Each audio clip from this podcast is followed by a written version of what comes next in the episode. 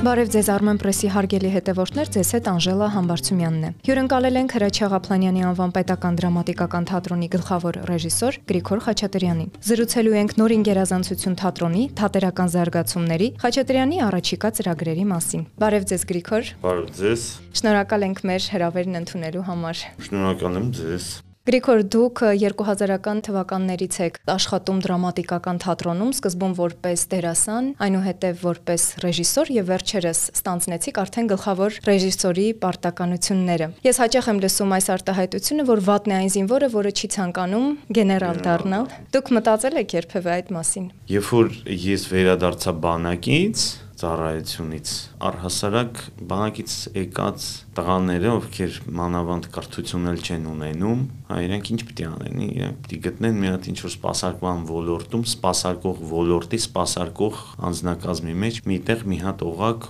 ունտեղ որոշակի գործունեություն ծավալեն, ինչը որ իմ հետ էլ այդպեսի բան եղավ, բայց երևի թե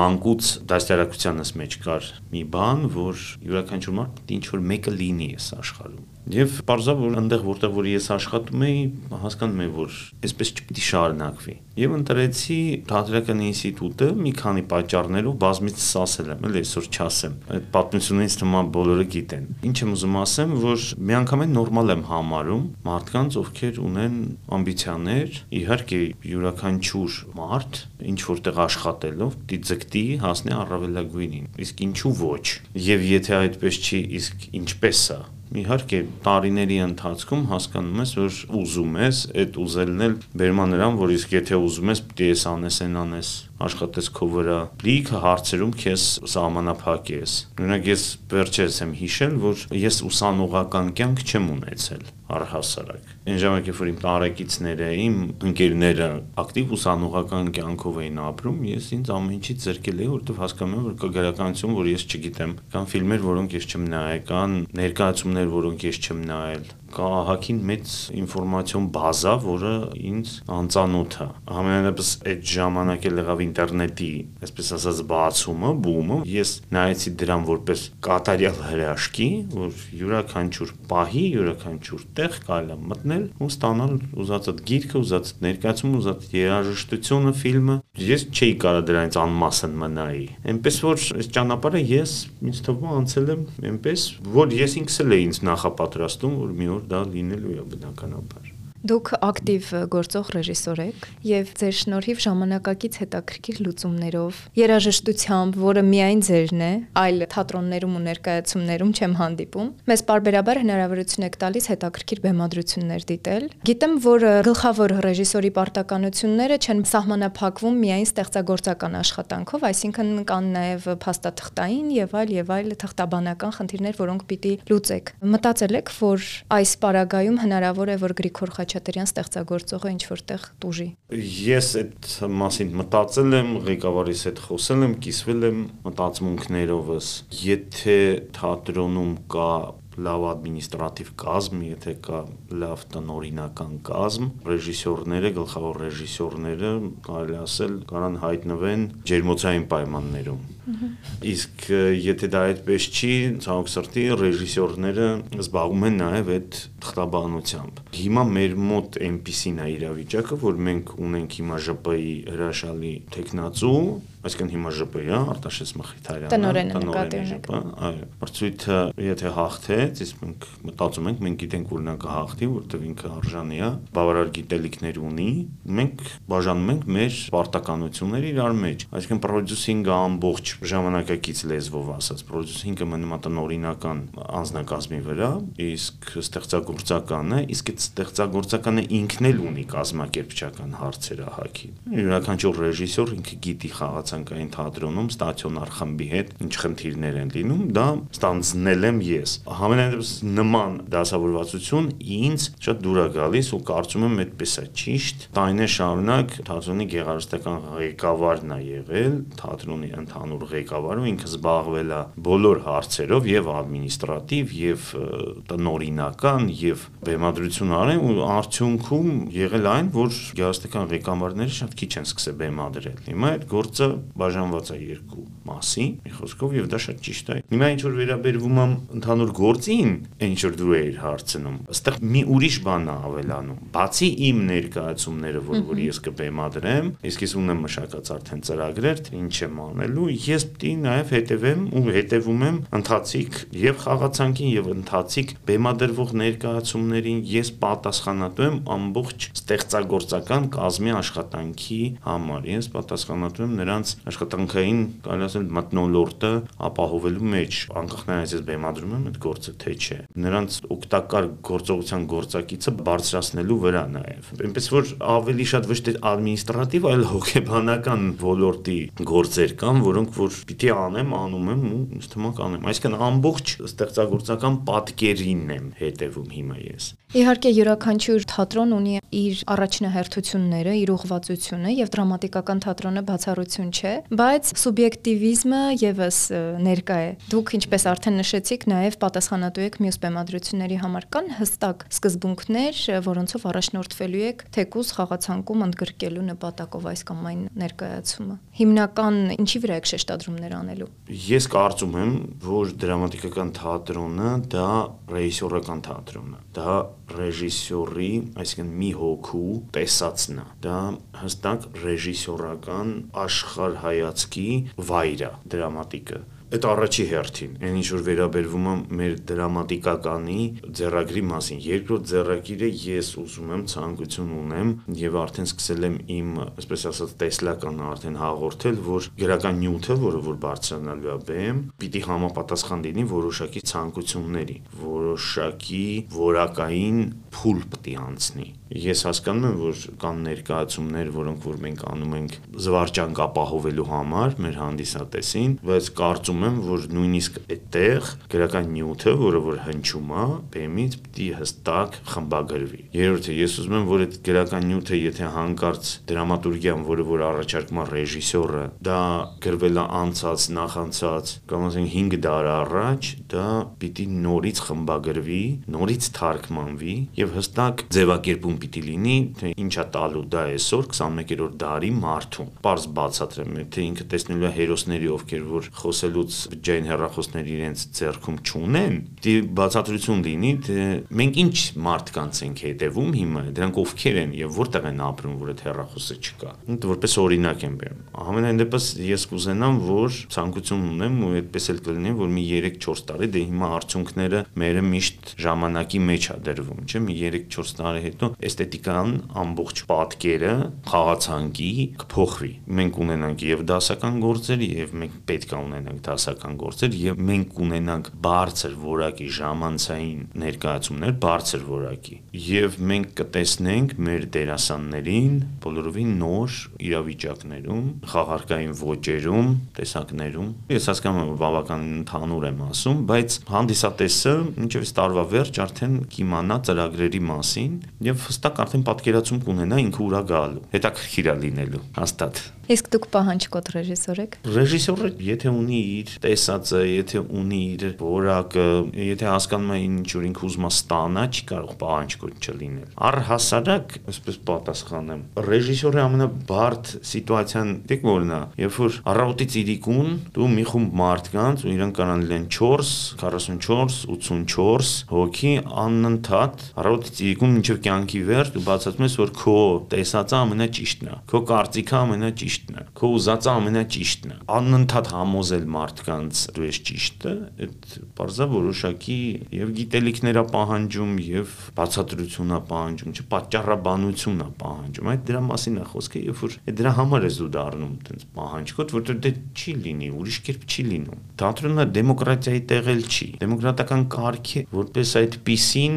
չի կարա լինի մի հիմնարկությունում, որտեղ մի գեղագիտությունն է ներկայացման առումով, մի գեղագիտ գեղագիտությունն է բեմ բարձրանում։ Մի հոգու գեղագիտության տեսակն է։ Խնդիրը նրանում է, թե կարողանում ես սարքես դիմացինին, դերասանական խմբին այդ գեղագիտության մասնակից ստեղծող, ներկայացնող, ոնց անենք առանց պահանջների Գրիգոր, ես դրամատիկական թատրոնում ճանաչում եմ դերասանների, դերասանուհիների, որոնք ինչու՞ չէ պետք է արձանագրել, որ հենց ձեր շնորհիվ են այսօր դերասաններ եւ դերասանուհիներ դարձել, այսինքն նկատել եք նրանց շնորհքը, տաղանդը եւ ինքնաարտահայտվելու, ինքնադրսևորվելու հնարավորություն եք տվել։ Երբ վերջերս ձեր թատրոնում էի, նայեցի դերասանական կազմի լուսանկարներին ու բազմաթիվ նոր դեմքերի տեսա։ Այսօր կան շնորհաշատ արտիստուհիներ, արտիստներ, որոնք հնարավոր է վաղը դրամատիկական թատրոնի դեմք լինեն։ Միանգամից պատասխանեմ, որ մեր մոտ, մեր թատրոնում սերնդափոխություն արդեն եղել է, դա կատարված փաստ է։ Որ ասում ես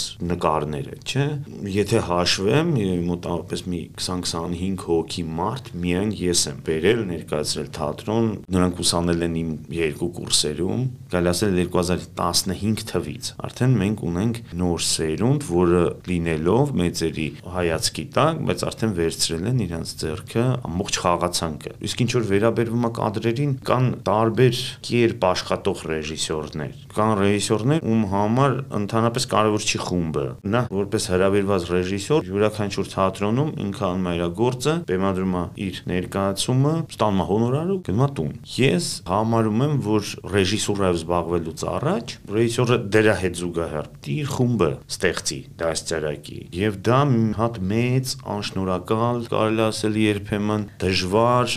խնդիրներով տարիներով լեցուն, բայց բավականին բարդ ժամանակը, որը որ ես իմ կյանքից մոտավոր մի 15 տարի գնացել եմ մենակ նրա համար, որ այսօր հիմա այդ նկարները որ տեսնես, նու միայն իմ չէ իհարկե, դրամատիկականը ստեղծել է այդ հարթակը, դրամատիկականի ղեկավարը հասկացել է ինչ խմորումներ է լինում, ինչի համար է պետք։ Ու այդ աշխատանքը գնացել է մեծերի ժամանակի հաշվի։ Այսինքն եթե մեր մեծերը, թատրոնի մեծերը համաձայն չլինեին դրան, այսօր այդ երիտասարդությունը բեմում շատ հնարավոր է այս քանակությամբ չլիներ։ Իրանք կայացան այդ մեր մեծերի ժամանակի հաշվի։ Բավական դաժան բան եմ ասում, բայց երևի իրանք էլ էին հասկանում, որ գալիս է մի պահ, որ մեծ արվեստագետը երբ է մեծ արվեստագետ, երբ որ բացի նրանից, որ ինքը աշխատում է, ստեղծում է, գալիս է մի պահ, որ ինքը արդեն պետք է հետոյի մասին մտածի ու այդպեսին է մեր թատրոնի ղեկավարը, այդպեսին են մեր թատրոնի մեծերը։ Իսկ ռեժիսորը առանց խմբի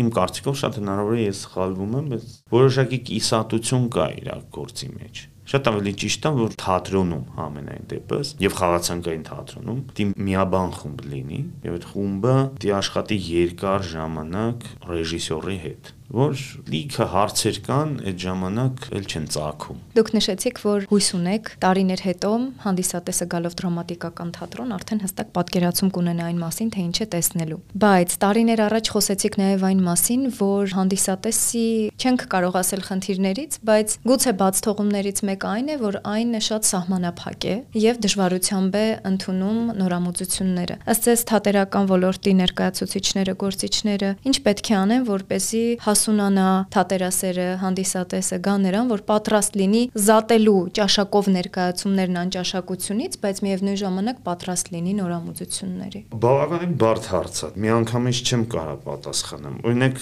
ես հիմա ինքս հիշում եմ, թե դպրոցական տարիքում երբ եմ լսել ինչ բան արվեստը, բայց լսել եմ իմ ուսուցչուհուց, ու ես չեմ հիշում դա ծրագրի մեջ էր, թե ուղղակի մենք հարցրեցինք եւ նա պատասխանեց հարցին։ Բայց ես հիշում եմ, որ նա բացատրեց բավականին հետաքրքիր կերպով, որ արվեստի գործը դա սյուրպրիզ է, դա անսպասելիությունն է, դա ինչ որտեղ սկանդալն է, ինչ որտեղ զարմանք է ու մեծ զարմանք։ Ու հետո որ հասկանում ես, որ յուրաքանչյուր մեծ գրականություն, մեծ ճարտարապետություն, փիլիսոփայություն ասեմ կամ երաժշտություն, չէ, առաջի հերթին դա այդ սյուրպրիզն է, չէ, զարմանք առաջացնող երևույթն է։ Շատ հնարավոր է ես սխալվում եմ, այն ինչ որ ես ասել եմ, այդ եմ փորձում բացատրել եմ, մեր հանդիսատեսը այդ սուրպրիզները չի սիրում։ Այն անսպասելիությունը չի սիրում։ Ինքը սիրում է նայել այն, ինչը որ իրան ծանոթ է։ Կարող է դա ազգային ինչ որ առանձնահատկությունն է, ես չգիտեմ։ Եթե անծանոթ է, ուրեմն վատ է։ Բայց անծանոթը նենց չի որ միշտ վատ է ու միշտ չէ որ սուրպրիզները վատն են լինում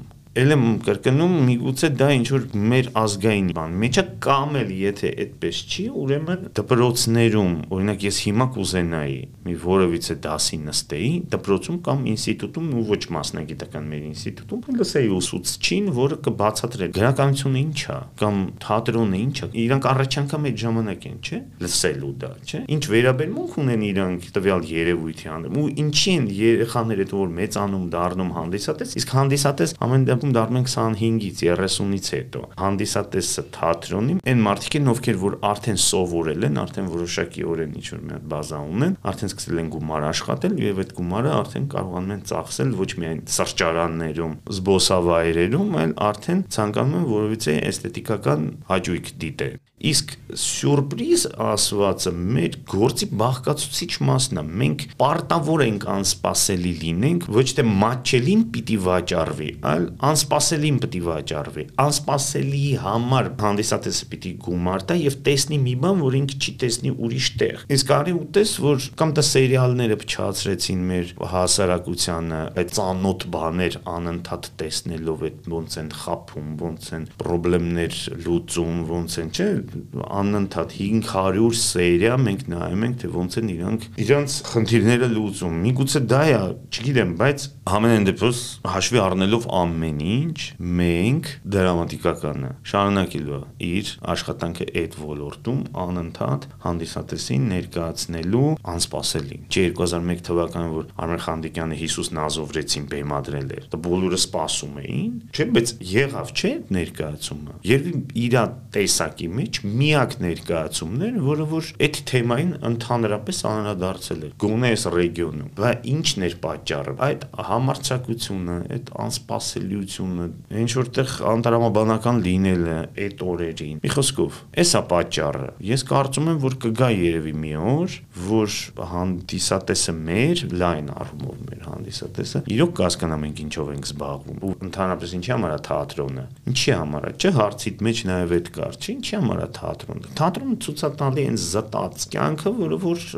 պետք չի նել 500 սերիա, որ հասկանաս ինչ է կատարում։ Կարող է նայել ժամու կեսում։ Զտած, սեղմած տարբերակ։ Մեր դեմքն է այսօր։ Մեր եւ մեր ժողովրդի դեմքը չի, քաղաքացու դեմքը։ Ինքը ժողովրդական արվեստ չի։ Թատրոնը առհասարակ ժողովրդական արվեստ չի, ինքը հասարակության պատկերն է։ Ժողովուրդը ուրիշ բան է, քաղաքացին ուրիշ բան է։ Մենք քաղաքացու անունից ենք խոսում, ոչ թե ժողովրդից։ Չեն կարա, չեն գնանք ժեք ու ասենք մեզ սուրճ հյուրասիրեք, չէ՞, սուրճը սրճարանում է։ Այնպես որ պահանջները երբեմն որ մեզ ձևակերպում են, մենք երբեմն տարակուսում ենք։ Հետո արվեստի ու մշակույթի մեջ տարբերություններ կան։ Մշակույթը դա պահպանողական, շատ հոգատար, մեծ աշխատանք է, բայց պահպանում է այն ինչը որ մի անգամ ֆիքսվել է միտեղ, իրանց գործը վախենալու մեջ է, չէ՞, անընդհատ որ հանկարծ դա չկորի։ Թատրոնի արվեստի գործը հենց այդ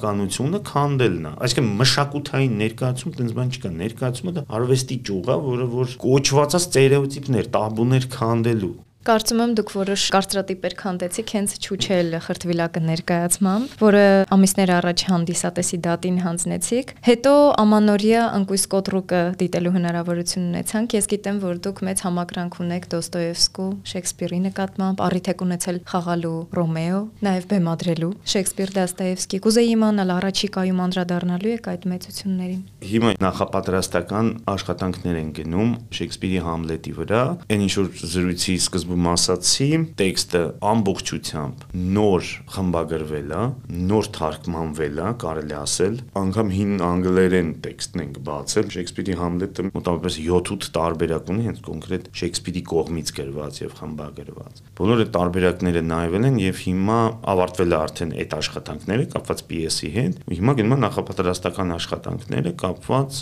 փորձերի։ Հիմա արդեն կսկսենք բեմի ձևավորման եւ վստահ եմ, որ մեր մեր հանդիսատեսը իսկապես կտեսնի մի Համլետ, որը ինքը առայժմ գոնե ստեղ չէր տեսել։ Դրանից հետո դե գիտես, ես ժամանակակից գրողների էլ եմ շատ սիրում, ժամանակակից նյու դրամայի հաճախ բեմադրող բեմադրիչներից երևի առաջինն եմ, որ անընդհատ անդրադարձել է այդ նոր ժանրին, Դոն Նիգրո, պիսի դրամատուրգ կամ ժամանակակից կանադառնամ իր գործին, հիմա վերնագիրը կարող եմ միայն ռուսերեն ասել, այլ թարգմանման փուլում է, բայց դա էլ ենք նախապատրաստում բավական հետաքրքիր հետաքրքիր էլի գործամ եւ երրորդը ինչ որ նախատեսում եմ ու արդեն սկսել եմ նյութեր պատրաստել ուզում եմ մեր հայրենակցուհու Նայնե Աբգարյանի գործերից մեկը անել թատրոնում այդպիսի նախագիծ կա ես առհասարակ հայկական դրամատուրգիա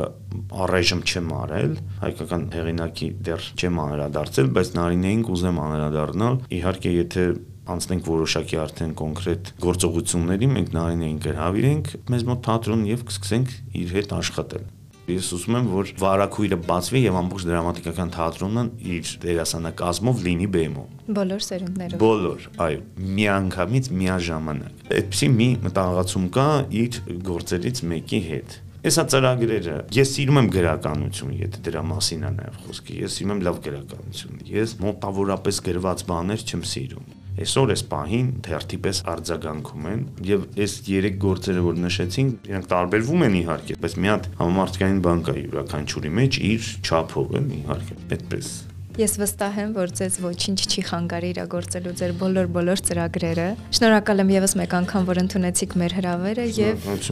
նորանոր ձեռք բերումներ եմ մաղթում։ Շնորհակալություն։